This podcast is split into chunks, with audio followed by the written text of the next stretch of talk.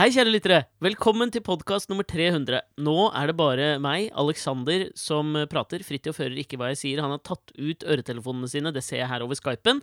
Og, og grunnen til det er at uh, i dag vil jeg lage en liten prolog for å forklare dere følgende. Det er veldig mange som har sendt inn uh, forespørsler om den standupen jeg skulle framføre som straff etter å ha tapt Livin. Bra, Livin! Veddemålet vårt. Eh, nå har det seg sånn at eh, For dere trofaste lyttere da, så fikk dere kanskje med dere at det var jo Karsten fra Livin, bra Karsten, som var vår go to guy og mesen eh, i Livin.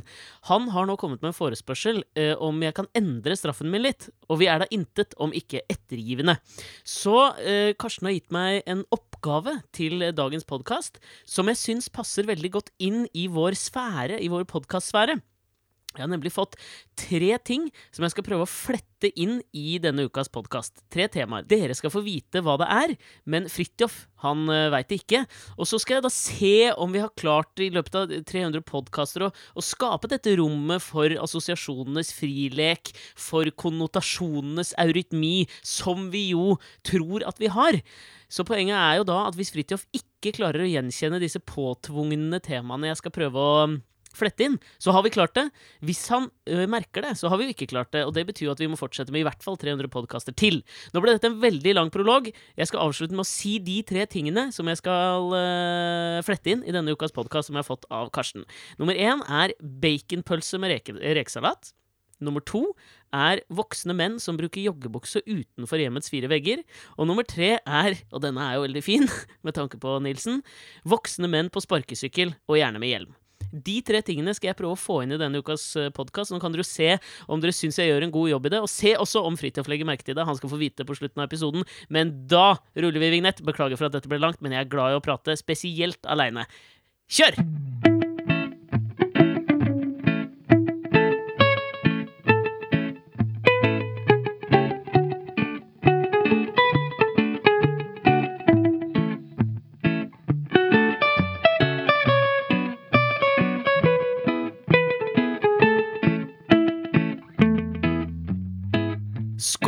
Og hjertelig vel prost, og hjertelig velkommen til episode nummer 300 av Velprost? Alex og Fritjofs podkast.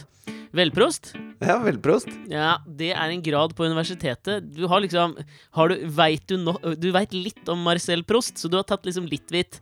Litt sånn Åh, som meg, da. Du har tatt en Nå del litt. Vel, Prost, han kan jeg litt om. Jeg kjenner til madeleinekaken i På sporet av den tapte tid, men utover det så har jeg aldri lest av de alle 14 eller hva faen, sju bindene det er. Nei. Nå vil jeg bare begynne med å si at det, for, for, min del nå så er det sånn ekstrem befrielse å sette seg ned, liksom både for å spille inn podkast og litt sånn i feiringen av at det er podkast nummer 300. For jeg kommer nå, akkurat som du vet, fra et eh, to timer langt psykologiforedrag om the circle of security når det kommer til eh, oppdragelse av barn. Da, sirkelen av Har ikke du vært på foreldremøte i barnehagen? Nei, det var et foredrag med en, eh, en psykolog for barnehageforeldre. Har dere foredrag med psykologer i barnehagen? Nei, er det mye trøbbel i barnehagen deres, eller? Nei, det var på Mye Bekkelaget seniorsenter. som-. Nei, dette var mer som et slags mentalt påfyll for foreldre, da. Og du, altså, det, altså kom- Er det, det er liksom- det obligatorisk, eller er det noe du velger som forelder å bli med på? Nei, du velger absolutt. La oss si at det var ikke sånn dritmange som valgte å bli med, da. Nei, jeg hadde lett vært en av de som valgte å ikke bli med. Ja, men jeg liker En sånn jævla life coach som skal komme og snakke om det å kan jo være ikke si at en psykologspesialist som har jobbet som psykolog i 14 år, er en jævla life coach. Det syns jeg er å pisse på hele psykolog er en life coach med en fancy tittel. Nei, fy faen! Det her det her går jeg ikke med på. Jordan Peterson hadde tull. pissa på deg. Ja, men det er gøy å på en måte havne i Eller å være på to sånne forskjellige verdener eh, så tett oppi hverandre. For der er du veldig sånn publikum, og du sitter bare og tar inn, mens her skal jeg på en måte nå levere eh, et eller annet innhold. Det er litt sånn, sånn som om et, eh, hvis du, altså, det, dette er det jo mange som, som, eh, som benytter seg av. Hvis du kjøper baconpølse på 7-Eleven, og så tar du rekesalat på, en eller annen slags perversjon av surf and turfen, altså Nouveau Riche-versjonen av surf and turf, Ja. det er sånn jeg føler meg nå. Jeg føler meg som rekesalaten på baconpølsa. Når, når du drysser insekter fra havet på ræva til en gris Det er jo noe, det er jo noe som er galt i selve prinsippet surf and turf. Men det er der Ja. jeg føler jeg ligger nå, i og vaker mellom surf and turf som en annen krabbe. Visste du forresten at det, eh, det ble solgt eh, At baconsalget i USA fra 2013 til 2016 økte med 170 Nei, og det overrasker meg at du veit det. Ja, Visste du at uh, det la, Skal du få deg en ny random fact? Ja, bare siden du er blitt veggis, da, så er det laget prøve, la meg prøve å gi en forklaringsmodell på det første. Da, fra 2013 til 2016. mm, Bacon. Det er bare at alle digger bacon, liksom. Nei, men var det ikke da Jeg vil jo påstå at lavkarbo fortsatt hadde sin heyday i de årene. Ja, det er et poeng. måte, altså, ingen, det var jo ingen som lenger var redd for hva bacon og baconfettet gjorde med kolesterolet ditt og årene dine. Fordi Ja. de tenkte at lavkarbo var the way to go. Ja, Mens nå er jo den nyeste crazen er jo å være veggis. Ja. Og da kan jeg glede deg med at det er en tofu-ting du kan lage sjøl, som heter faken. ja, det er Dette kjenner jeg til. Det er liksom Can't believe it's not butter. Ja, Som, som visstnok smaker som bacon. Jeg tror ikke helt på det. Nei, jeg har smakt det. eh, det? Det smaker Altså, problemet med alle sånne kjøttting det Jeg er tipper at at det smaker som faken. Ja, men på en måte smaken kjøper du jo, for du kan jo få forskjellige typer bacon. Du kan få engelsk filet-bacon, du kan få Ja, Det lages av skogsbacon. ytrefilet. Ytrefilet, visste du det? Ja, og, og, og det smaker jo da annerledes enn eh, vanlig bacon. Annerledes enn eh, skogsbacon. Ja, ja. Men problemet med alle kjøtterstatningene er konsistensen. Konsistensen av kjøtt har ennå ingen klart å fake ned. Hva var den okay. andre funfacten du skulle levere? Nei, det var bare det om uh, at det fantes faken. Det var ikke noe mer enn det. Siden du er veggis, liksom. Altså skal vi, vi kan ikke begynne podkast 300 med å prate lenge om bacon. En veggis og en ikke-veggis. Det går ikke. Nei, det, det kan vi ikke. Hvordan har du det, Fridtjof? Du, har det bra. Eh, apropos sånn psykologgreier. Ja. Eh, jeg merker nå at, eh, at barna mine, eh, eller Jonathan, da, har våkna opp dette for å liksom drive med litt sånn psykologi på meg.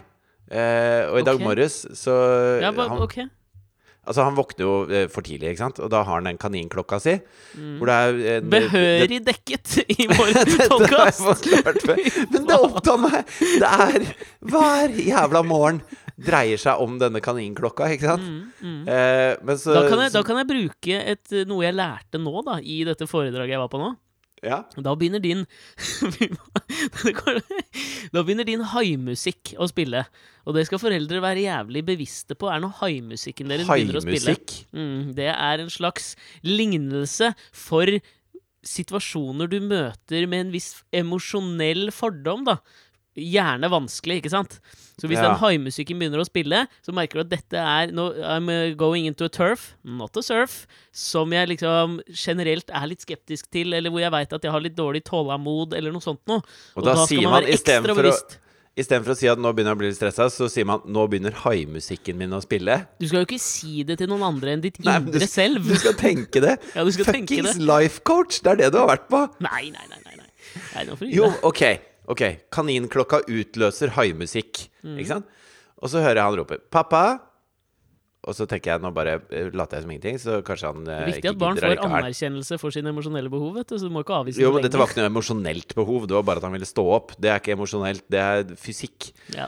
Og så sier han, og så sier han 'Pappa, du som er så glad i meg', roper han. ja, det er bra. Det er jævlig bra. Og så begynner både jeg og Katrine å liksom humre litt. Da. Vi prøver å ikke lage lyd, ikke sant? Mm. Eh, fordi da er jeg jo spent på hva, hvor det går derfra.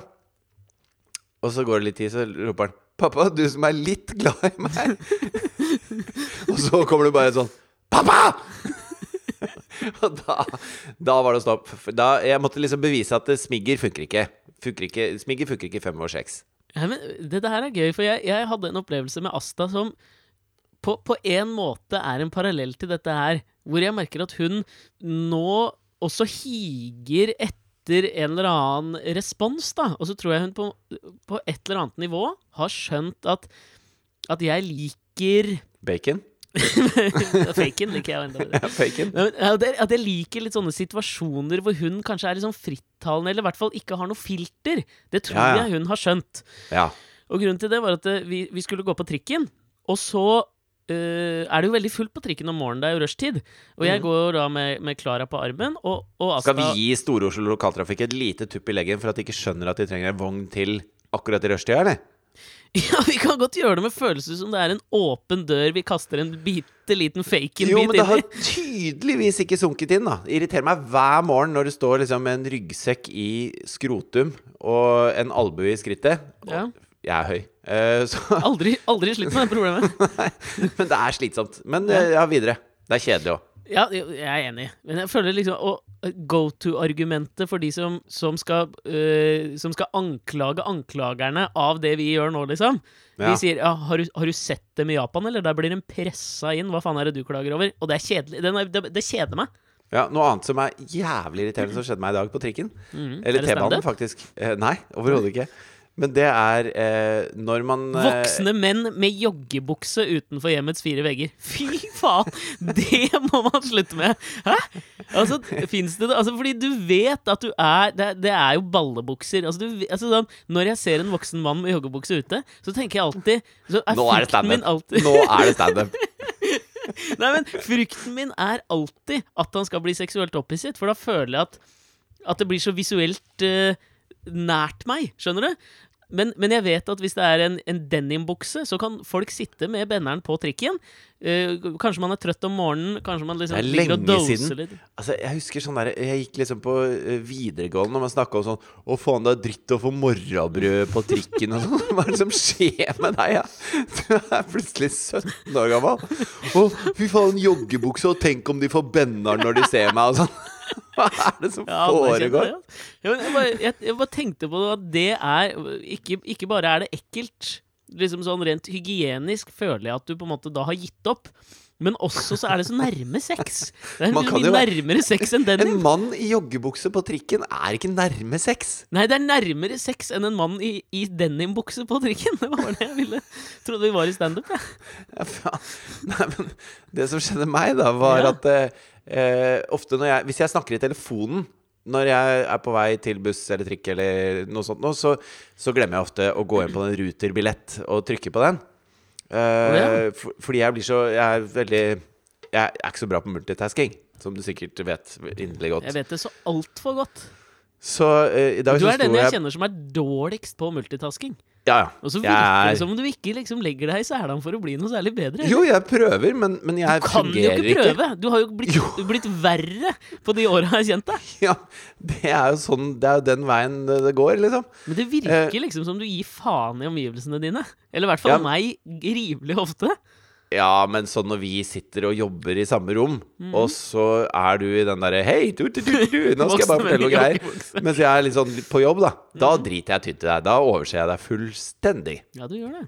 Eh, men Hvordan fall tror du så det får meg til å føle meg i circle of security?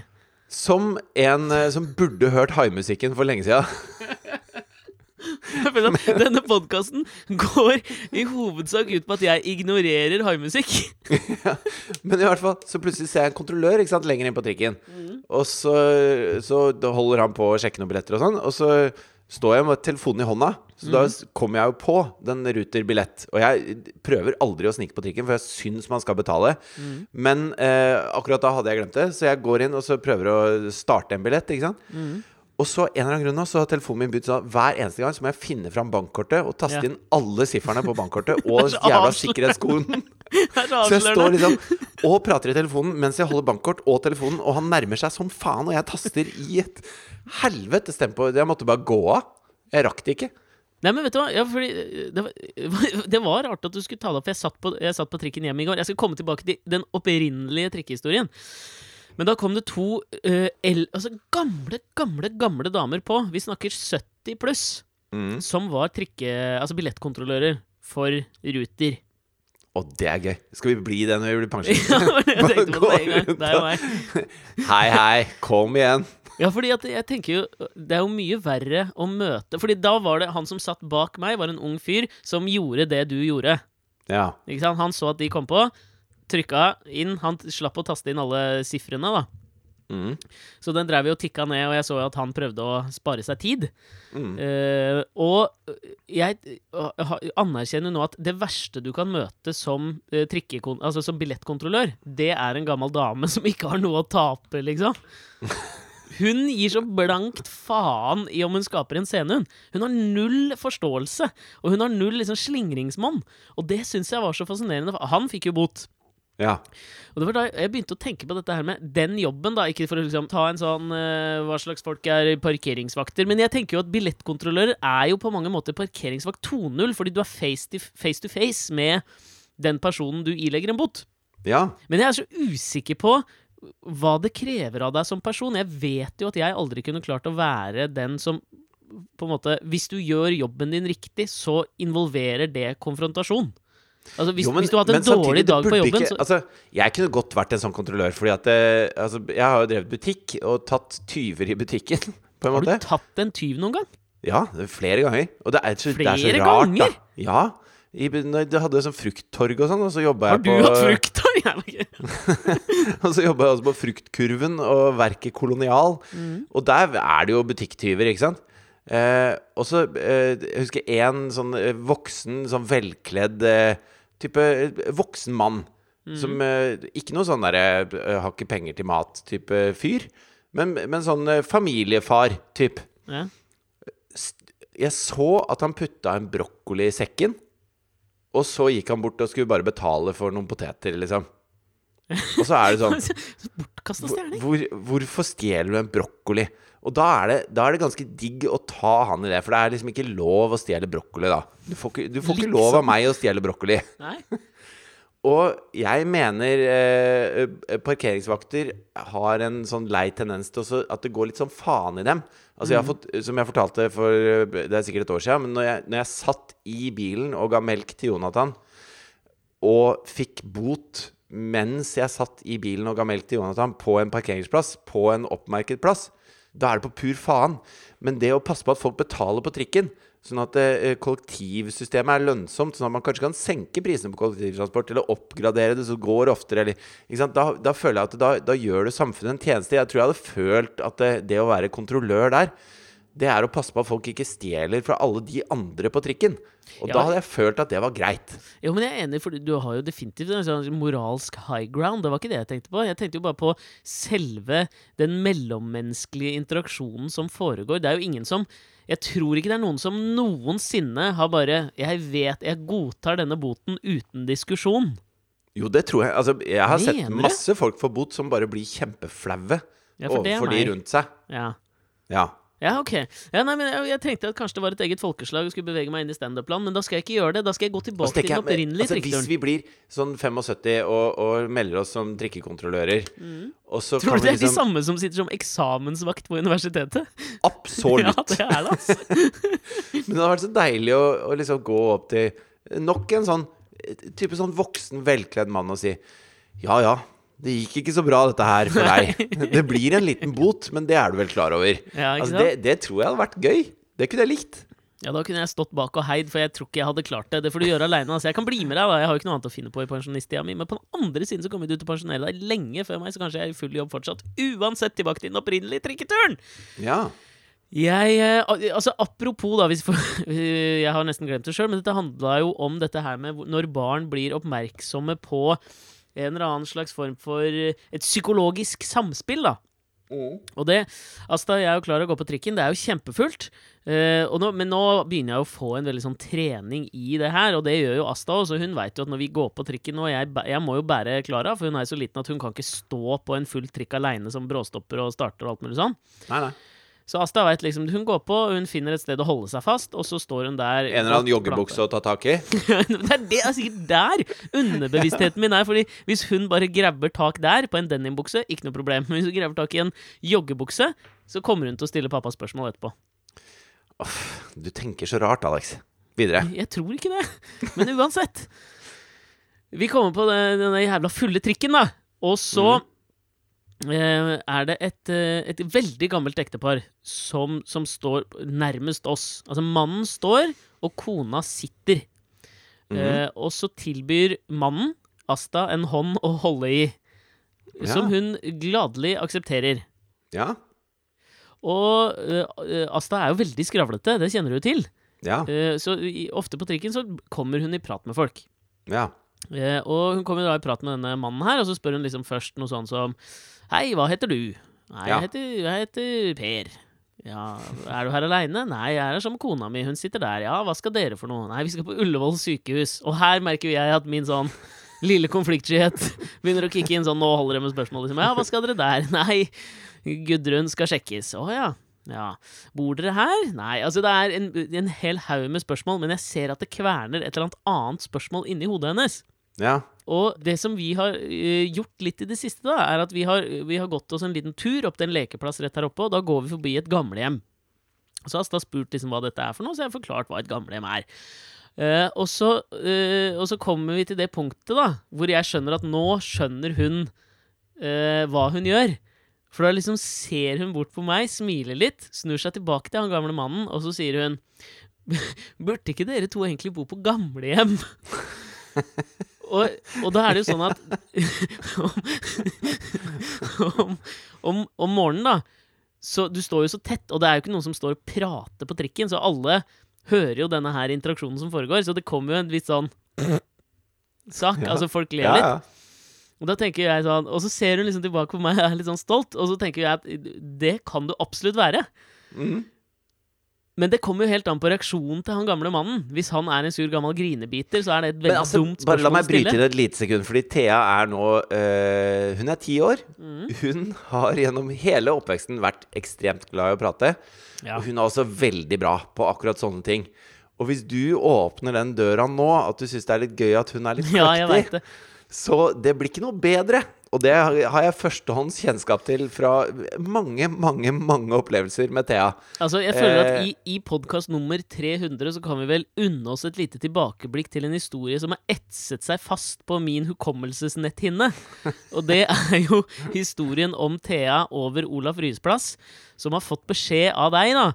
Ettersom hun er såpass frittalende at hvis det er noen ting om andre Altså, mennesker Thea hadde en tendens til å hvilken liksom historie? Ja, ja, Ja. jeg vet utmerket godt. Hun hadde en eh, Hun kunne si sånn Se på de kjempepuppene til hun dama der, da. Ja. Altså, sånn sa Thea, liksom. Og det, Mm. og det er jo det verste du veit som forelder, ikke sant. Og så altså, blir du kjempeflau, og, og det, er, det er råslitsomt, ikke sant. Og sånn holdt hun på hele tida. Mm. Hvorfor har hun dama sånn øh, Hvorfor har ikke hun hår på halve hodet sitt, og det er, ba, det er bare stress, da, ikke sant? ja. Og så hadde jeg en liten sånn prat med Thea hvor jeg sa at eh, jeg skjønner at det er mange ting du lurer på om folk som går rundt omkring. Og da tenker jeg spesielt. Jo, jo, men man, man treffer jo mennesker, ikke sant? Og det er jo eh, Altså, her på Grünerløkka så er det også et sånn eldre tvillingbrødrepar ja, ja, de er jo Uff, de er nydelige. Som er helt fantastiske. De, de er kanskje sånn eh, i 70 Midten av 70-åra. Ja. Og så uh, kler de seg veldig ofte likt. Uh, Mm. Ser helt like ut som gamle pensjonister. Og har hver sin sånn liten el-rullestolbil. ja. Som de kjører, kruser kjører de alltid De kjører, Kjører alltid i i gata! Ja, og gjerne ved siden av hverandre.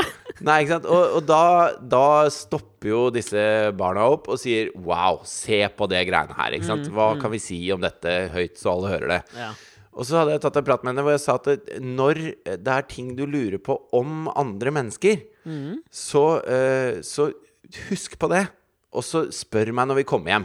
Fordi at da, da kan vi snakke om det, og så er det ikke noe stress. Fordi at det kan hende at man sier noe som de blir lei seg for. Mm. Hvis du sier det, så de hører det. Og så var Thea sånn Ja, hun skjønte på det og sånn, da. arnestedet til en del brystreduksjoner og hårimplantater. vil jeg tro. Skal jeg love deg. Eh, og, så, og så går vi over Ryes plass, liksom, eh, da, sikkert dagen etter, eller da husker jeg ikke, det er så lenge siden dette her. Så kommer det selvfølgelig da en eh, kortvokst gående mot oss. Jeg tror det Eh, heter ikke vertikalt utfordret. Jo, det er mulig det er det det heter. Eh, men i hvert fall så kommer han gående mot oss, og idet vi går forbi han, så peker Thea sånn Hun er jo like høy, ikke sant? Bare rett i trynet hans. Og så sier hun Det der, det må vi prate om når vi kommer hjem. Det er Det er så mange nivåer. Nummer én at du bruker det. Jo, men det er jo ikke sant eh, de, Dette problemet, denne problemstillingen Hun snakker jo ikke om det som den personen. Å ja, nei, hun snakker om situasjonen, ja. Ja jeg skjønner hva du mener, men samtidig, når du sier Dette- det dette- Hvis, hvis det- noen hadde pekt på meg og sagt det, så hadde jeg jo Ja, ja. antatt at det var et eller annet Ja, ja, ubinær tenker jeg, kjønnsrolle det som skjer her nå, det må vi snakke om når vi kommer hjem. Det er det hun tenker, ikke sant? Men det blir bare verre deg- av at hun peker han opp i trynet. Jeg kan garantere deg at den vertikalt utfordrende lille herremannen ikke tenkte i de baner. Han er ikke den vertikalt utfordrende. Han er vertikalt Utfordrede. utfordrede. Ja, ja, det var, det var ikke det jeg sa. Nei. Men ok. Men Det var en slags mannen, greatest hits, da. Ja, ja, men denne mannen reagerer heldigvis veldig bra og sier liksom sånn Ja, vet du hva, der har du et godt poeng, kanskje vi skal vurdere det. Så det løste seg jo. Men jeg, det, det, som jeg, sant, det er jo ikke det viktige her. Det viktige er jo at Asta tydelig på en måte anerkjenner at liksom her Altså, du ser at at de små grå jobber som faen, da. Ja, her det er det rom er- for å få pappa til å le og være stolt, ikke sant? Ja, men, Men jeg er den- usikker på om det er le, men eller om det er liksom Fordi jeg oppfordrer veldig til at hun skal prate med mennesker hun møter. Det er noe jeg oppfordrer til veldig. liksom Når vi sitter på trikken, eller hvis noen sier hei, så svarer man hei tilbake. Og liksom Det handler om folkeskikk. Ja, men det er en bra ting. Ja. Og, og, og det, her blir jo på en måte Altså dette blir jo eh, den oppfordringen i ytterste konsekvens, da. Fordi at du kan jo ikke styre et barn til å si liksom Snakk med alle, men hold deg innenfor rimelighetens grenser når det kommer til spørsmål. Det går jo ikke, ikke sant? Nei, det går ikke. Men der, der er det jo hva du viser at du verdsetter, da. Ikke sant? Sånn at det, hvis, hvis du Hun kjenner jo deg. Hun ser jo Ja. når du bare Øy, fy fader, jeg har smart unge, ass. Rått. Ikke sant? Ja. Og det, det digger jo hun, selvfølgelig. Ja, ja. Og da blir det mer. Ja, det har du rett i. Men, så, så, men jeg, jeg tar til meg den, den lille advarselen der, altså, når det kommer til uh, Ja, For den haimusikken blir øredøvende etter hvert. Det skal jeg love deg. Ja, og du har ikke noe lyst til at det skal komme haimusikk hver dag, gang du skal gå på trikken eller møte andre mennesker, for da blir det liksom kontinuerlig eh, rimelig slitsomt, ass. Ja, ja. ja. Hvis Ja. du kombinerer det med dødsangsten din, så blir det jo veldig Det blir en tung tilværelse, da. skal vi blande Skal vi komme med det, da? Alle Ja. jævla koselige. Da er det bare hjem og trøstespise faken til det tyter ut av øra på deg. Faen, for, for å dra det, jeg må bare dra det litt videre her også, så vi ikke, så vi ikke på en måte strander i disse småbarnlige eh, daglige utfordringene og prøver å løfte blikket litt i denne Mm. podkast nummer 300, så er det en ting jeg har, har tenkt litt på denne uka Litt sånn i En som har løfta blikket bitte litt, er jo Elon Musk. Ja, det var dit jeg må- skulle. Var det det? Ja, det var dit jeg ville. liksom det var, Vi kan ikke på en måte gå gjennom en uke hvor Elon Musk har, har eh, brutt Sendt all- opp Heavy Falcon. Ja, uten at vi liksom kommer inn på det. Nei. Og det er nå øh, vi kan liksom se våre forskjellige takes på dette her. Altså Det er her i denne dynamikken oppstår. Det er derfor jeg mener at vi kan kalle oss Hegels dialektiske sønner. Der fikk vi Men hvordan vet du hva mitt take på dette er? Nei, ja, men det, Etter 300 podkaster så vet jeg hva du interesserer deg for i denne tingen her. Og så vet okay, jeg at jeg da. interesserer Hva- meg for, hva er det jeg interesserer meg for. så her har vi en tese, en antitese, og det er det som er interessant her. Som fører oss tilbake til Hegels dialektikk. Nei, nemlig at vi skaper en syntese etterpå. Nei, ikke Der fikk vi fletta det inn i podkast 300. Kunne ikke ha podkast 300 uten en referanse til gamle tyske filosofer. Uansett. Ja. Det som jeg fant fascinerende med dette her, det var egentlig mer reaksjonene dette skapte, enn nødvendigvis alt som lå i det å klare dette her. Hvor mange forsøk var det han hadde hatt før dette? Han hadde tre forsøk før dette, før det faktisk funka. Ja, men eh, altså, det er jo altså, Alle må øve før de får det til, på en måte. Øvelse gjør mester. Abs eh, absolutt. Grunnen til at jeg, vet du hva grunnen til at jeg nølte nå var? Nei. For å dra tilbake i småbarnslivet, da. Det er at øh, dette, dette øver vi på hjemme nå, med Asta. Og så har vi jo sett Karsten og Petra ha juleferie. Og der har, det, uh, har de da replikken 'Øvelse gjør mester'. Bare se på Ester. Ester var jo uh, kjæresten til bestefar i Karsten og Petra, som øvde seg noe jævla på skihopp. Så Ja. når jeg hører 'Øvelse gjør mester' nå, så, så med en gang så sier jeg 'bare se på Ester'. Det skal jeg ikke dra inn i denne podkasten. Videre! Men det var vel sånn for Elon Musk nå at dette var, på en måte, dette var siste sjanse rent kapitalmessig, investormessig. Folk som har putta mye penger i dette her, så var vel dette siste sjanse. Det, det er jeg usikker på, men eh, jeg tror deg når du sier det. Ja, så, så innmari bra. Ja. Men det som jeg syns var fascinerende oppi dette her, det var reaksjonene. Og øhm, jeg øh, og du føler jeg nå i løpet av 300 podkaster har også øh, på en måte gjennomgått en eller annen slags politisk dannelsesprosess. Jeg tror Mm. da vi startet for jeg vet da faen, er det seks år siden eller noe sånt, noe sånt nå, kanskje? Mm. Så tror jeg vi var veldig mye mer sånn hardbarka på venstresiden i det politiske spekteret, og så har vi sakte, men sikkert beveget oss inn mot dette herre hva, hva er det kalles nå? En eller annen sånn dad-spekter, hvor vi liksom ser litt fra alle kanter og er litt mer sånn der, ja, pragmatikere blitt, da. Ja, hvis du sier det, så. Ja, men, ja, jeg tror det. Hvis folk hører seg tilbake på liksom de første episodene hvor vi tar opp et eller annet politisk betent, så tror jeg vi var mye mer, mye mer kategoriske venstreorienterte karer enn vi Ja, er det nå. kan nok hende. Det Ja. kan nok hende. Og, og, og det jeg merker er at grunnen, mye av grunnen Altså, til at ja, Kan, kan jeg bare si Altså, eh, det du prøver å si nå, er hva vi syns om Elon Musk sin uh, oppskyting? Eller Nei, reaksjonene rundt det? ja, nei, ja, for jeg skal bare gi eh, altså, sånn, det, Jeg har ett eksempel på en reaksjon, og så syns jeg det er gøy å se i lys av på en måte 300 podkaster og vår prosess parallelt. da, fordi at det, den, den, den hovedgrunnen føler jeg til at jeg har på en måte kanskje vendt meg litt bort fra det politisk etablerte venstresiden, det er at jeg syns de aldri faen kommer med noe nytt! Og det er faen kjedelige drittfolk som ikke klarer å på en måte være dynamiske i den prosessen, og at de velger feil kampsaker. Det er mm, noe av grunnen. Og her i fant jeg uh, med Elon Musk sin oppskytning en av de, store, en av de beste eksemplene på dette her. Og det var jo Jeg vet at du også har lest denne forfatteren her, Naomi Klein. Hun som vel slo gjennom på verdensscenen med boken No Logo i jeg vet da faen jeg, sent 90-tall, kanskje? Ja. Ja. Den boka syns jeg var fantastisk. Dritbra da jeg leste den. Mm. Jeg er usikker på hva jeg ville synes om den nå. Hun har jo kommet ut med en bok senere som dreier seg om eh, om eh, k- klimaforandring, menneskeskapte klimaforandringer, som jeg Mhm. har, men som jeg ikke har giddet å lese. Nettopp av denne grunnen her, at jeg føler at hun er så godt Hun har beina godt planta inn på denne venstresida, som ikke på en måte åpner for forandringer, eller er humørløse, da. Jo, men, men det er sånn som jeg, Altså, jeg hører på en podkast som heter The Intercept. Som er Glenn Greenwald eh, og den gjengen der. Ja. Som har, som har et eh, Altså, det er et nyhetsmedium som heter The Intercept, og så er det også en podkast. Og de er sånn ordentlig ute på høyresida. Sånn eh, type Det er bare Snowden og når eh, ikke sant, alle disse release the memo eh, Alt mulig skjer borti USA, da. Så prøver de febrilsk å minne folk på at men, men CIA er liksom ikke de gode Det er ikke de vi skal hvile oss på når institusjonene eh, vakler. fordi at det er de som på en måte har rævkjørt veldig mye hele veien. Er det Altså- konspirasjonsteoretikere? eller? Jeg har aldri hørt denne podkasten, jeg. Nei, de er ikke det i det hele tatt. Men, det er, men ikke sant? Altså, de, de ble forma da eh, på en måte USA herja fritt rundt i Latin-Amerika, og mm. alt det pisset de har gjort nede i Iran og med, ikke sant? Det, det er jo Amerika har hatt en helt vill politikk, utenrikspolitikk, Ja. I eh, flere tiår, ikke sant? Ja, lenger, nå- lenger enn det, vil jeg si. Ja, ja. Men i hvert fall siden krigen, da, siden den derre ideen om at Amerika er så mye renere, og så lenge de gjør noe, så er det med de beste hensikter alltid.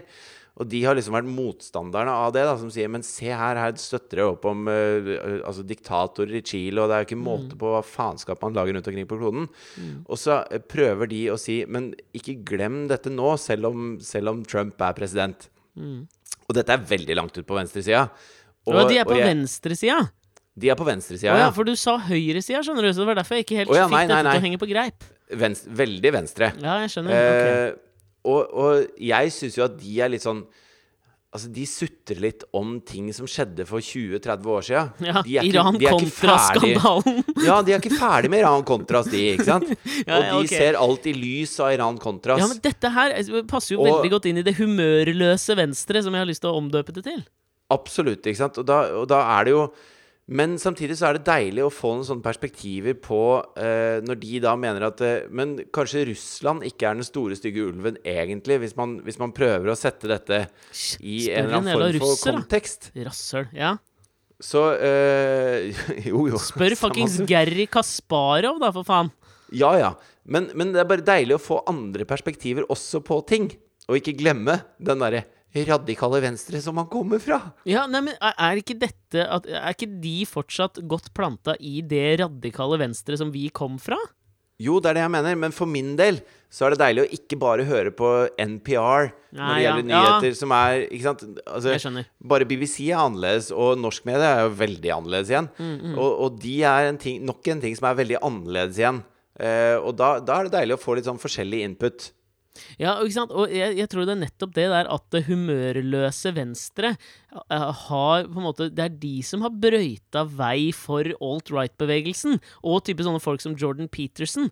Fordi folk blir så jævla lei av det derre PK-hysteriet og det derre det humørløse og den lite viljen til å være pragmatisk. Og derfor liksom skaper man det man eh, prøver å unngå. Gjennom det, tror jeg, da. Det er derfor jeg forandrer meg. Og det er her eksempelet kommer, da, med Naomi Klein.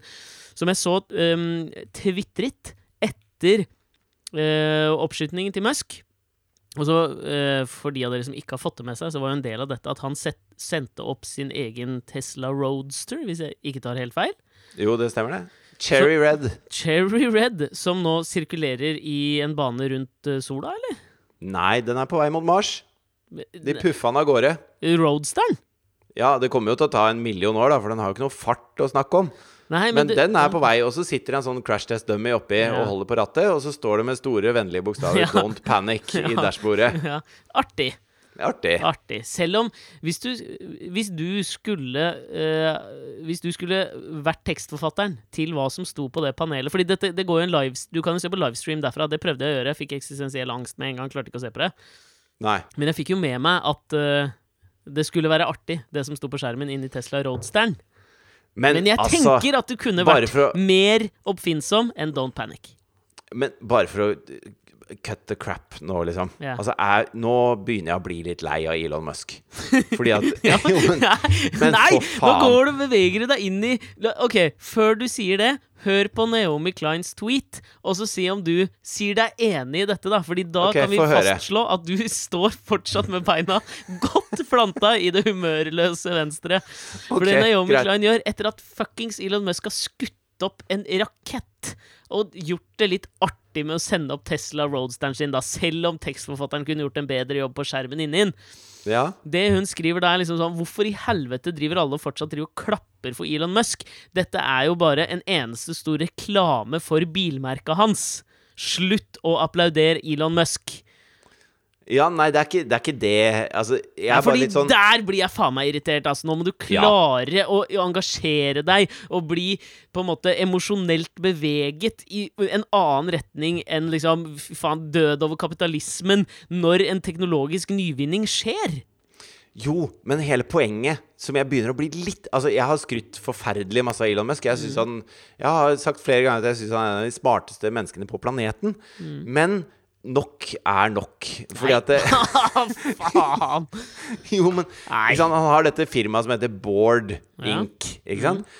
Og så har han en idé da om at eh, Fordi at han har jo snakka om dette med hyperloop kjempelenge, som er liksom det nye innen eh, kollektiv transport. Men nå har han kjøpt seg en Og som sånn er da vel en eh, slags form for Altså at du eh, lager et vakuum for å sende toget. Det er de gamle toget postrørene som de Ja. fortsatt bruker i klageskranken på Ikea. Der bruker de sånne postrør, har jeg sett. Ja. Som er sånn vakuumgreier hvor du putter noe inn i det, så sier det pop! Altså, det er en slags eh, hydraulisk e-mail, da, på en måte. Hydraulisk. Fint Ja. ord, det. Ja. Ja, det er, men det er veldig korrekt også i den sammenheng. Eh, men eh, ikke sant? Så, så ble det hyperloop tror jeg ble litt sånn dyrt og plagsomt. Eh, og så har han en ny idé, ja, ja. ikke sant? Som er da at istedenfor å bygge sånn hyperloops, så skal han nå eh, bygge tunneler under hele Los Angeles, som ligger midt i San, San Andreas-forkastningen. Mm. Som jo i utgangspunktet er en dårlig idé, så han har kjøpt seg en boremaskin fra et tysk firma Mm. og laget board.com, for de borer, ikke sant? ja. Og så Hvor, hvor eh, forventa, på en skala fra én til forventa, er det at boret kommer fra en tysk produsent? Selvfølgelig kommer det fra en tysk produsent. Men han har ikke laget selv engang. Så kan han bare bore masse tunneler, sånn at alle kan kjøre Teslaer i tunneler. Og som en sånn PR-jippo rundt det, så solgte han da 20 000 flammekastere hvor det sto 'board' på. ikke sant? Så hvis du kjeder deg, så kan du bruke flammekasteren, og så samtidig promoterer du tunnelsystemet jeg har lyst til å lage. Istedenfor å bygge ut fuckings bussystem altså, Istedenfor å lage et eller annet system som, som funker, da, som faktisk er et eh, miljøvennlig massekollektivsystem, så skal han la, så skal bore tunneler under et super jordskjelvrammet uh, storby eh, Jeg vet at det korrekte ja, pronomen er Ja men det hopper jeg over. og så 300 podkaster sånn, tok det før han rettet seg sjøl grammatisk. ja, men jeg er lei av at du gjør det.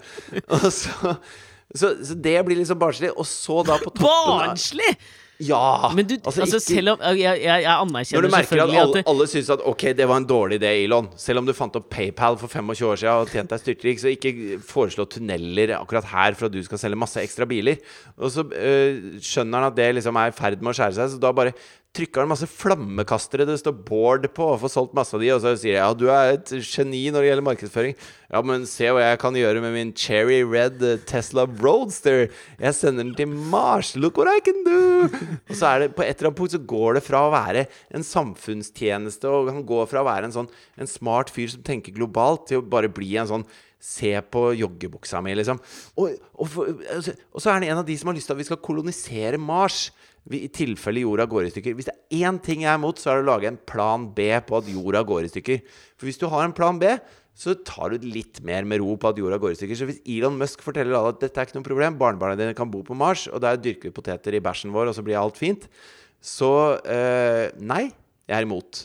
Så han står nå, Fridtjof Nilsen, godt plantet med begge beina i det humørløse venstre og forventer en eller annen slags form for kontinuerlig filantropisk eh, aktivitet fra store bedriftsledere, som selvfølgelig også må få lov å ha sine vyer, sine visjoner og sine inntjeningsmuligheter eh, åpne. Det er jo ikke noe sånn at Elon Musk har et eller annet moralsk ansvar mer enn oss andre for å ta vare på planeten. Han er en bedriftsleder som skal tjene penger, og han har i tillegg klart å skape en hel haug med verdier som har fått masse fokus, og som gjør verden muligens kanskje et litt bedre sted, i hvert fall et litt morsommere sted å leve. Heri er problemet til det humørløse venstre, er at dere skyver nå fra dere så mange folk som ikke ser så kategorisk på verden som det der. Nei, men han fyren har så mye muligheter, da. Og, og, og så, er det sånn, så har han truffet så innmari bra, så det er mest at jeg er litt sånn skuffa. over Du er ikke sint, du er bare veldig, veldig Ja, jeg er bare veldig, veldig skuffa. Ja, ja, jo, jo da. Men altså, vi har da i hvert fall etablert at du er har beina godt planta der. Ok, for, vent da. For, for, å ta en, for å ta et annet eksempel, for å se hvor ille det står til med deg. Altså Branson, Branson for eksempel, han, han hadde det flyet sitt som han fløy rundt i, som het Virgin, Virgin. og, ja. så, og så likte han å gi ut rockemusikk, og så var han liksom Og så kjøpte han selvfølgelig sin egen stillehavsøy. Ja, og, det, og, så, og så kan du si hva du vil om det, men han, var, men han la i hvert fall ikke skjul på hva han drev med. Men Elon Musk sender liksom bilen sin ut til Mars, som, og så forkler han det som en slags tjeneste for oss. At eh, han gjør dette fordi han er så god. Og da er det sånn Nei, du gjør ikke det. Du gjør det fordi du har lyst til å se bilen din i verdensrommet. Jo, men er ikke det greit, da? Jo, men ikke hvis han prøver å si at han gjorde det for å være snill. Ja, men han gjorde en del for å være snill, og så gjorde han en del for sin egen nytelse. Uenig. Ja, ok. Jeg har bare lyst til å prøve et annet aktuelt eksempel på deg, for å se hvor ille det faktisk står til med deg, da. Ja. Ok, I Tyskland akkurat nå så pågår det en spennende sak, spør du meg, som kanskje kan Som også, mener jeg, involverer det humørløse, og her kan vi legge til intellektuelle venstre. Altså Hvis vi først er inne på det, så må vi også ta opp den der avissaken som er at uh, høyrefolk er penere enn venstrefolk. Ja, er dette, dette har jeg ikke fått med meg. Umiddelbart Nei, er- så tenker jeg at det stemmer. altså, altså, det, altså i, Helt fra tidenes morgen så har liksom eh, Tidenes morgen Punkrocken eh, sang jo ofte om at eh, ikke sant, rich kids are more beautiful, og det er bare Altså, barn av rike foreldre, de er liksom pene, og de andre er ikke det, og alt mulig sånn. Og nå er det noen forskere hvilke, hvilke, hvilke punkrockere sang om det? Den sangen har jeg ikke hørt. Nei, jeg husker ikke verken sitatet eller låta eller bandet. Skal vi satse på at det Eh, var The Clash på London Calling, da? En eller annen låt Ja, der? eller Ramones, eller vi er liksom i det landskapet, ja, da. ok. Sånn the Rich kids are hot, eller et eller annet. Ja. Men samme det. Men i hvert fall så er det noen forskere nå som mener at fordi barn av rike foreldre møter mindre motstand, så er det da eh, en, en større grad av de som beveger seg ut til høyre i politikken. fordi at da får du ikke den derre Du har ikke kjent på kroppen det behovet av å faktisk eh, trenge at vi støtter opp om hverandre i samfunnet, da. Eh, Ja. du, du vet ikke helt hva det dreier seg om sånn, eh, sånn kroppslig. Du har, ikke, du har ikke vært der sjøl på en eller annen måte. Og en sånn veldig sosialt stigmatiserende ting er jo eh, det å være enten eh, vakker eller ikke fullt så vakker, mener de da. Sånn at eh, vakre folk møter mindre motstand, har det lettere i livet og har da eh, vanskeligere for å føle på kroppen andre menneskers problemer, og derfor beveger de seg lettere over på høyresiden av politikken. Det er rart at du og jeg er så godt planta på venstresiden da. Men samtidig så kan jeg kjenne Pluss at også i det så får du ikke på en måte de Altså livets eh, Altså tæringer på hud og hår og Ikke sant? Du, du har råd til spa-behandlinger og hair extensions.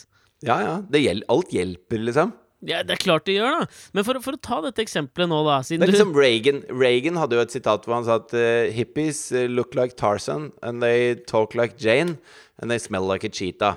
Det er liksom det, hans take på hippier, da. Ja, ikke sant?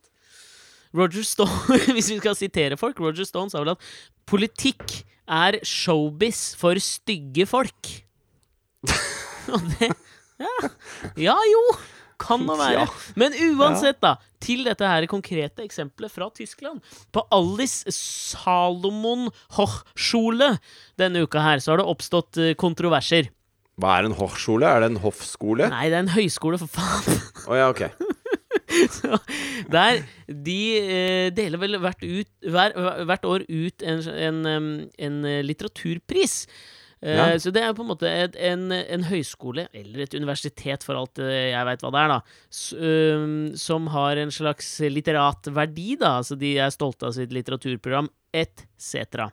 Mm. Eh, og på veggen eh, til en av bygningene på Alice Salomon Hochschule så er det malt inn et dikt av den eh, boliviansk-sveitsiske hvis jeg ikke tar feil poeten uh, Eugen Gomringer. Jeg, tr- eh, sånn tipper jeg det uttales. Eugen Ja. Gomringer.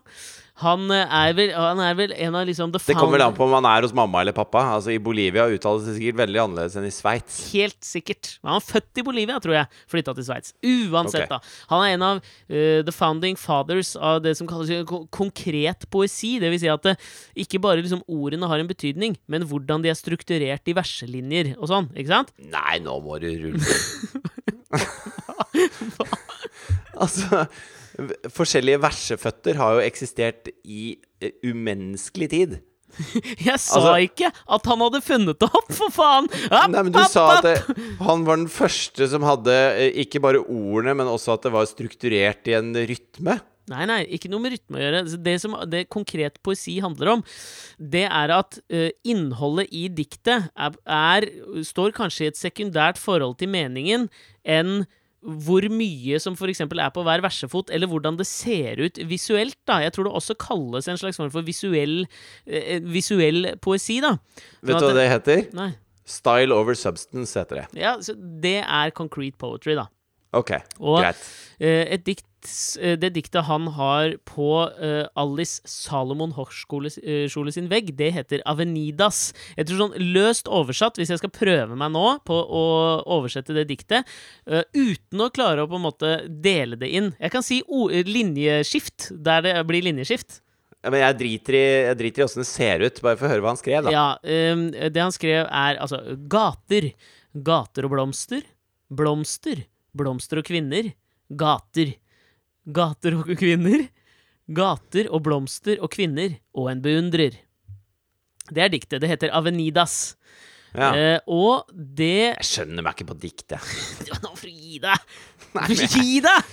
Gater, gater og kvinner, blomster, blomster og gater og kvinner og en beundrer. Altså, ja, applaus. Flink var han. Jo, men herregud. Ikke sånn- herregud meg, det er et nydelig dikt! Ja, veldig, veldig fint. Og så er kontroversen nå, da, det er jo at dette diktet er for, både foreslått og vedtatt fjernet. Ja. Eh, fordi det er på et eller annet nivå seksuelt trakasserende.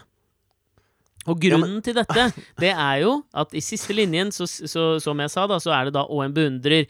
Hvor eh, veldig mange av de studentene, og til og med også professorene på dette, denne høyskolen eller universitetet, mener at det er en slags objektivisering av kvinnen. uh, Bare som, som gjenstand for beundring fra en mann. Altså, hva faen er Hvor er kvinnen oppi dette her? Ikke sant? Ja, Så- Hun er jo i gaten med blomster. Ja, Så la meg høre ditt take på dette. Ville du støttet at de fjerner dette her? For, altså, De skal fjerne det, men ville du stått Nei. på barrikadene for at diktet 'Avenidas' til den nydelige poeten Eugen Gomringer, Gomringer blir fjernet fordi det objektiviserer kvinnen i siste verselinje?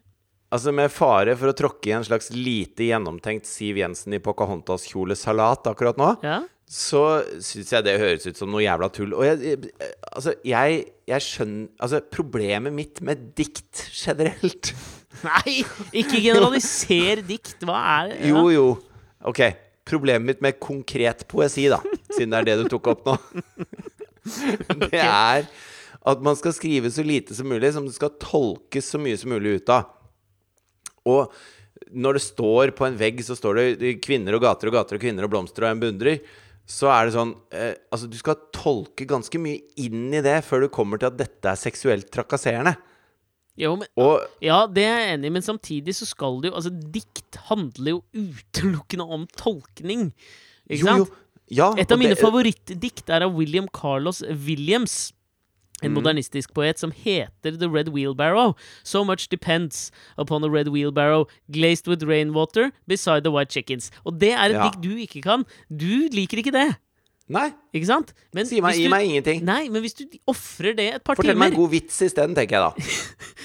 Altså faen, parkeringsvakter og billettkontroll Nei, men altså hvis du nå er vi off- inne på noe. Ja, men hvis du ofrer det der et par timer, så kommer du til å sette så stor pris på det. Så jeg, jeg, jeg er ikke i utgangspunktet imot at man skulle, skal kunne tolke inn en eller annen slags objektivisering av kvinnen i det diktet til Gomringer. Men å gå derfra til å fjerne det fra en vegg pga. en slags form for seksuell Jo, men hva, hva trakasseringsøyemed i det diktet er problematisk? Det er Altså, det, er det er jo ikke trakasserende å beundre noe. Nei, men det det, det de gjør, da vi, Nei, hvorfor skal jeg sitte og argumentere for hvorfor de skal fjerne? Altså, hvis det sto Jeg sier sto- argumentasjonen argumentasjonen deres. Kvinner, gater og kvinner. Kvinner og gater. Blomster og gater med kvinner i. Og en fyr i joggebukse som onanerer og sikler. Altså, da er jeg med. Kjempe for. Fjern det diktet, liksom. Men en beundrer ser ikke problemet helt, altså. Nei, deres argumentasjon er jo at en beundrer som bare ser på kvinnen, objektiviserer henne. Og ja da, det kan du godt Jo, si men vi er, vi er også objekter, samtidig som vi er subjekter. Altså, hvorfor, hvorfor tar man på seg fine klær, da, hvis man ikke er Hvis man ikke har et utseende Alle har et utseende, liksom. Ja, ok, dette må... var, godt. dette var godt. Dette var godt å høre, Nilsen. Jo, men jeg, skjønner du hva jeg mener? Jeg skjønner helt hva du mener, og det var godt å høre at du ikke hadde liksom på en måte grodd fast, at ikke sementen hadde stivna rundt beina dine der du står planta i det humørløse venstre. Det var faen meg godt å høre. Ja, nei, det er, litt humør, da, her på venstre, venstre fløy. Ja, fordi det ingen kan ta fra deg fortsatt, det er at du er en 40 år gammel mann som står på sparkesykkel. Og bare det i seg selv Det er ikke så humørløst. Nei, det, altså, du kan ikke være griseforbanna og være en voksen mann som står på sparkesykkel ned Tor Torvald Meyers gate, plystrende med en podkast i øret, hvor du selvfølgelig hører på folk som er planta i det humørløse venstre. Men jeg gir deg the benefit of the doubt fortsatt, og jeg, jeg er fortsatt villig til å fortsette 300 podkaster til med deg, bare fordi du har denne ambiguiteten i deg. Ja, Det syns jeg er nobelt av deg, altså. Det setter jeg veldig pris på. Hjertelig takk. Vi har prata veldig veldig lenge nå. Eh, det er vel kanskje på tide å avrunde denne podkast nummer 300? Eller? Ja. Jo, jo, jo. Det, det, det, vi kan gjøre det, altså. Før vi gjør det, så har jeg bare lyst til å fortelle deg en bitte liten ting. Ja, Og det var at før vi satte i gang i dag, så eh, hadde jeg en liten prolog ok. som du ikke hørte. Det den dreier Alene. Bare du, liksom? Bare, bare meg. Ja. Det var utrolig sa, rart å sitte og prate. Velkommen, dette er Alex sin Ja, det er utrolig rart, det, Det er det du sitte og egentlig drømmer om, vet du. Nei, ikke etter at jeg har gjort dette her. Fordi at det jeg merka da jeg sa at du skulle prøve å prate aleine, det, det fløyt ikke, ass. Det gikk ikke så innmari bra. Men greia var jo at det er jo veldig mange av lytterne våre som har etterspurt den eh, standupen min. Fra Livin. Eh, veddemålet. Har du hatt standup uten at jeg fikk høre på? Nei, nå skal du høre her. Eh, og så har, Dette er noe jeg sitter og jobba litt med, men jeg har jo kontinuerlig kontakt med Karsten. Bra, Karsten! I, fra Livin fortsatt. Ja. Og eh, det Karsten eh, har gitt meg tilbakemelding på, var at han ville ikke lenger ha en standup. Og jeg føler okay. at det er jo kunden som bestemmer her, ikke sant? Det er jo ikke Karsten som har bestemt at det er standup, det er jeg. Ja, jeg vet det, men Karsten betalte regningene i en liten stakket stund, og da får Karsten komme med et ønske. Og Karstens ønske var som følger. Han skulle komme med tre eh, temaer eller ting som jeg måtte flette inn i podkast nummer 300. Så eh, Da jeg satt på psykologkonferanse tidligere i dag, så fikk jeg tekstmelding av Karsten med tre ting som jeg måtte flette inn på en eller annen måte i denne ukas podkast, og det skulle på en måte være substituttet til den standupen. Og det har du gjort? Og det har jeg så absolutt gjort i dag. Og så var jo min lille tanke her, da, for å gi deg noe veldig positivt, så var jo min, min tanke med dette, det var jo for å se altså, Vi har prøvd i løpet av 300 podkaster å skape et rom hvor man kan assosiere fritt. Hvor konnotasjonene kan henge på hverandre, og hvor det er, det, takhøyden er høy for alle mulige innfall vi kan komme med. Og så var min tanke i dette her, da, er at hvis jeg klarer å flette inn disse tre tingene som var så random, uten at du legger merke til det i løpet av podkasten, så vil jeg si at Podkast 300 er en eh, Altså, det er en feiring av at det har vi til nå klart. For du har jo ikke reagert Altså, du har ikke tatt meg på en av de tingene. Nei, jeg føler at vi bare prata om samme ting hele veien, egentlig. Ja. Hva er de tre tingene? Ja, jeg, du skal jo få lov å gjette nå, tenker jeg da, for å gjøre dette enda litt mer spennende. Lytterne veit jo hva de tre tingene er, så de har jo sittet og fulgt med nå, da, forhåpentligvis, i løpet av denne podkasten på når jeg skulle klare å flette inn disse tre tingene. Ja, men Gi meg en sånn slags størrelsesorden da på hva, hva disse tingene er. Nei, men Si at det er en setning, da, eller bare to ord, eller liksom en sånn en, Bare en bitte liten ting. Vi har prata i en time. Altså, er okay, det si ordet, den første, ordet på Nei la, og nei, la meg si den første, så skal vi se om du klarer å gjette de to siste. Det første okay. jeg fikk beskjed om å flette inn, det var uh, hvor Altså baconpølse med rekesalat. Ja, det syns jeg gikk sømløst. Og jeg, jeg tente jo veldig på bacon der. Snakka lenge om bacon. Og da tenkte jeg fy faen, nå er vi on a roll. Men men, jeg, men jeg tenkte da, jeg tenkte da For jeg, liker å tenke at jeg er ganske god på å komme med sånne analogier. Mhm. Og jeg tenkte at analogien din var eh, terningkast fire. Ja, ikke sant? Det var ikke en sekser. Ja, den var ikke den beste jeg har levert, liksom. Nei, det var ikke det. Jeg skjønte ikke helt hva du mente med det å strø rekesalat over baconpølse. Altså Smør på flesk var det egentlig du prøvde å si med det, da. Tolka jeg det til. Men det var ikke sylskarp. Nei, den var jo ikke det. Ok. Nei. Så, men det er to ting til. Klarer du Ja. å tenke på det? Det var, altså Den som kom som nummer to, den stussa du litt over, merka jeg. Så der var jeg veldig redd for hva du skulle liksom Jeg har ikke snøring. Voksne menn med joggebukse utenfor hjemmets fire vegger. Ja, nei, den Men Den var det ikke sylskarp, kan den heller. Nei, men det er en sånn ting du kan irritere deg grønn over. Ja. Oi, vet du hva? Jeg irriterer meg ikke så innmari mye over det. Jeg må være ærlig. Nei. Men Karsten Jonathan, gjør det. han har, han har en klokkeklar sånn motstand. Katrine tok jo på seg pysjbuksa her hjemme. Ja. Og da satt Jonathan og, og spiste kveldsmat. Og så så han på Så sa han Mamma, den buksa der var ikke så fin. Han og sånn, Karsten hadde hit it off. Liksom. Ja, ja, ja. Ok. Ok, men joggebukse ble jo også et tema underveis. Ja. Så han får, han får den, han Karsten. Ja. Den siste tingen han ville blande inn, følte jeg var veldig sånn kompatibelt med uh, å, å på en måte feire Podkast 300, og det var jo selvfølgelig voksne menn på sparkesykkel. Å ja. Ja, men den satt jo rett i planeten. Ja, den satt Altså, rett i planeten som Elon Musk, ass. i feil planet. Nei, men vet du hva? Jeg, det, altså, jeg bra, Karsten! Ja, bra, Alex. Du er flink. B- eh, straffen er tatt. Det var eh, dette eh, Jo, den mest slitsomme podkasten jeg har spilt inn, fordi jeg hadde disse tre tingene som jeg visste jeg måtte flette inn, samtidig som jeg skulle prøve å assosiere fritt rundt det også. Mm. Vet du hva jeg har gjort i dag, eller? Nei. I dag har jeg signert eh, kontrakt med Cappelen Dam, jeg. Ja, har du? Nei, så Ja, som, eh, jævlig som fett! forfatter. Som forfatter, altså. Ja, Så kakeboka blir gitt ut på Cappelen Dam. det, det blir den. Du, Rett og det- slett. Grattis, Cappelen Dam. Det er jo helt rått. Er ikke det litt kult, da? Ja, det, er- Vet du hva? Jeg unner deg det av hele mitt hjerte. Det tenker jeg er dritbra. Cappelen Dam, tradisjonslikt eh, forlag. Lars Aabye Christensen. Eller tør jeg tippe Ingvar Ambjørnsen? Jonas Gahr Støre ga sågar ut boka si der. Barack Obama gir vel ut bøkene sine på Cappelen Dam i Norge. Ikke sant? Du, vet du hva, jeg trekker tilbake. spørs Jeg om unner er deg det ikke i det hele tatt, for du veit ikke Barack dette. Obama Du fortjener ikke å bli utgitt av det tradisjonslike forlaget i Akersgata, Cappelen Dam. Men uansett, jeg er bitte litt glad på dine vegne, da. Ja, men Det er hyggelig å høre. Du er ikke bare sur. Nei, men jeg skal fortsatt lese korrektur. Eh, det tror jeg Cappelen Dam skal gjøre, faktisk. Nei, det er helt greit. I Podkast 300 er alt greit. Jeg lover å kjøpe boka. Og så antar jeg at du kommer med en eller annen spesialtilbud til de som hører på podkasten, at de kan få boka til en billigere penge. Noe sier meg at det ikke er en kakebakende gjeng som hører på denne podkasten her. Men Hvem hvis det er det, så send oss en, eh, en messasje på Facebook. Faen, kan jeg trekke hadde, det? ja, vi hadde, vi hadde gått så langt nå. Vi klarte oss så bra!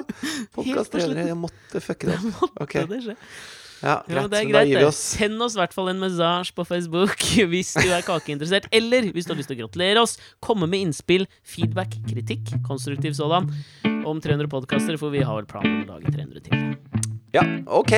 Hei. Hei!